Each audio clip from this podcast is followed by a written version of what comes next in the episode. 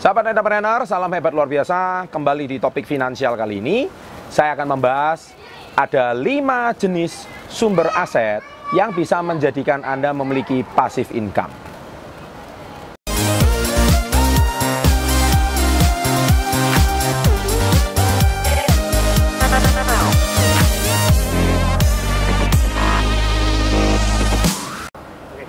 Baik, sahabat entrepreneur, Anda juga harus tahu bahwa sebetulnya ada dua jenis income yang harus Anda ketahui yang bisa dihasilkan oleh setiap orang. Income yang jenis pertama namanya active income. Ya, jadi active income itu artinya Anda harus bekerja baru Anda bisa mendapatkan uang. Ya, saya sudah bahas di video saya yang pertama mindset dan mental orang sukses yaitu kuadran E dan kuadran S. Kalau Anda tidak bekerja ya Anda nggak dapat uang. Anda nggak e, menghasilkan, Anda nggak menjual sesuatu ya Anda nggak dapat uang ya itu namanya aktif income. Ya Anda kalau nggak ngantor ya Anda nggak dapat uang. Kalau Anda nggak praktek ya Anda nggak dapat uang. Anda nggak punya klien ya Anda nggak punya uang. Itu namanya aktif income. Ya itu kuadran E dan S. Tetapi eh, yang di sini yang saya bahas saya mengacu pada video saya pertama lagi yaitu passive income yaitu kuadran B dan kuadran I. Nah saya ambil dari eh, guru finansial dunia yaitu Robert Kiyosaki Beliau sekurang-kurangnya mengatakan ada lima jenis yang bisa dihasilkan uh, aset yang bisa menghasilkan passive income. Dan juga saya sudah pernah bahas juga di uh, video saya sebelumnya, yaitu bagaimana cara membuat uang bekerja untuk diri Anda. Tetapi di sini saya akan ada tambahkan yang belum pernah ditambahkan di sana. Nah, yang pertama adalah bisnis yang berjalan otomatis. Ya, saya ulangi, bisnis yang berjalan otomatis.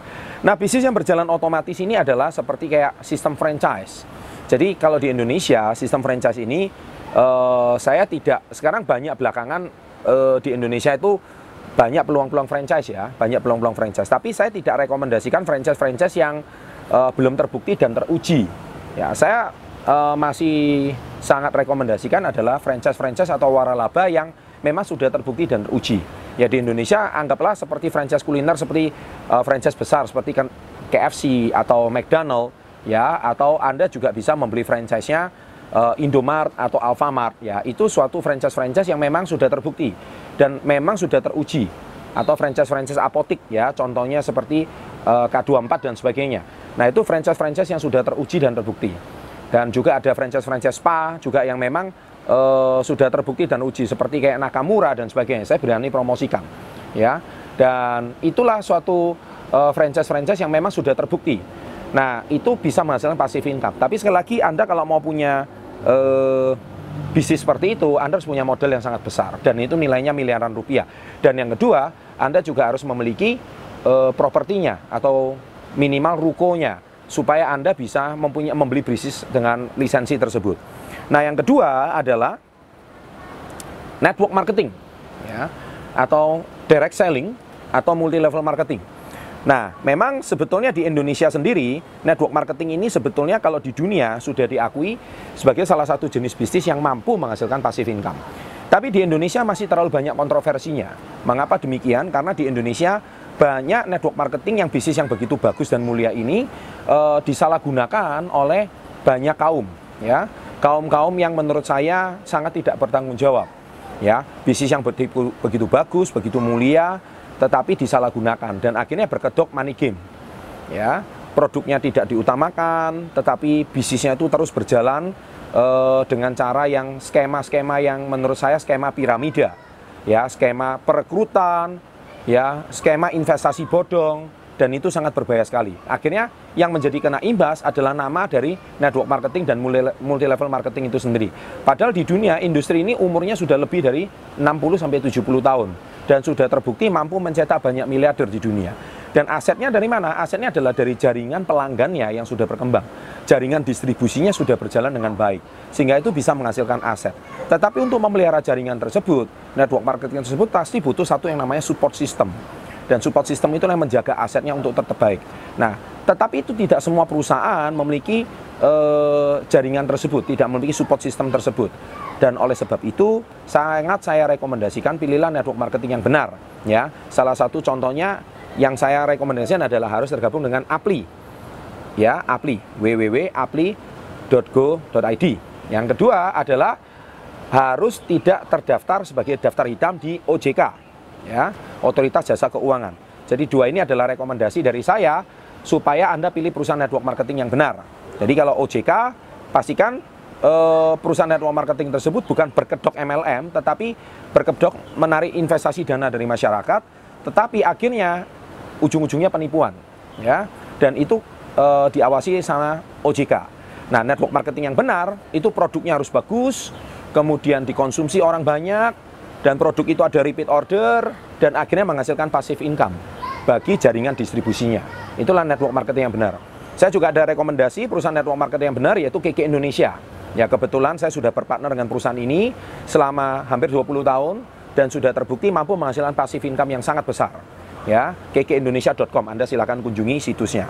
Yang ketiga adalah pendapatan dari investasi pada saham dan surat-surat berharga. Nah, biasanya kalau Anda membeli saham uh, dari perusahaan sekuritas yang benar, nah tentunya Anda juga bisa mendapatkan passive income. Nah, passive income-nya itu berupa dividen. Dividennya itu kalau perusahaan itu kadang ada dividen 3 bulan sekali, ada enam bulan sekali, tergantung dari perusahaan saham dari perusahaan yang Anda beli. Nah, yang keempat adalah properti yang disewakan. Nah, properti yang disewakan itu seperti apa? yaitu sebuah properti yang berupa seperti ruko atau rumah yang dikontrakkan atau apartemen yang disewakan. Itu juga bisa menghasilkan passive income. Ya, jadi properti yang disewakan. Dan yang terakhir adalah royalti.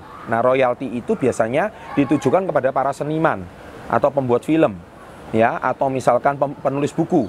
Nah, itu pasti ada yang namanya royalti.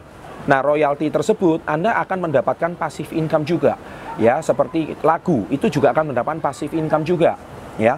Kemudian seperti juga uh, penyanyi ya dan itu profesi-profesi tersebut banyak sekali dan royalti tersebut kalau dinikmati orang banyak itu akan menjadi pasif income juga dan itu sebagai uh, rasa apa ya uh, dedikasi atau rasa terima kasih kepada si hak cipta daripada pencipta lagu ataupun pencipta penulis buku tersebut. Nah, jadi lima poin ini sebagai aset untuk bisa menghasilkan passive income. Nah, semoga Anda dengan lima topik ini, lima tips ini atau lima jenis aset ini bisa membuka wawasan Anda. Akhirnya setiap Anda punya penghasilan, arahkan ke lima sektor ini. Nih saya, saya yakin bisnis Anda akan terus berkembang, kondisi finansial Anda juga akan terus membaik, dan tentunya saya yakin lima sektor ini eh, sangat sangat tepat kalau Anda lakukan di Indonesia karena Eh, lima sektor ini memang di Indonesia sudah sangat berkembang dan sangat bagus sekali. Oke, sahabat entrepreneur, demikian tips saya kali ini bagaimana Anda bisa memiliki passive income dan semoga video ini menginspirasi Anda dan bisa menjadikan Anda miliarder berikutnya. Bila Anda menyukai channel seperti ini, silahkan klik like. Jangan lupa memberikan komentar-komentar positif di bawah kolom komen. Dan saya dengan senang hati membacanya. Dan jangan lupa share kepada teman-teman. Serta berlangganan dan subscribe supaya Anda mendapatkan informasi terkini dari channel Success Before 30. Sukses untuk Anda dan selalu bersemangat. Salam hebat luar biasa.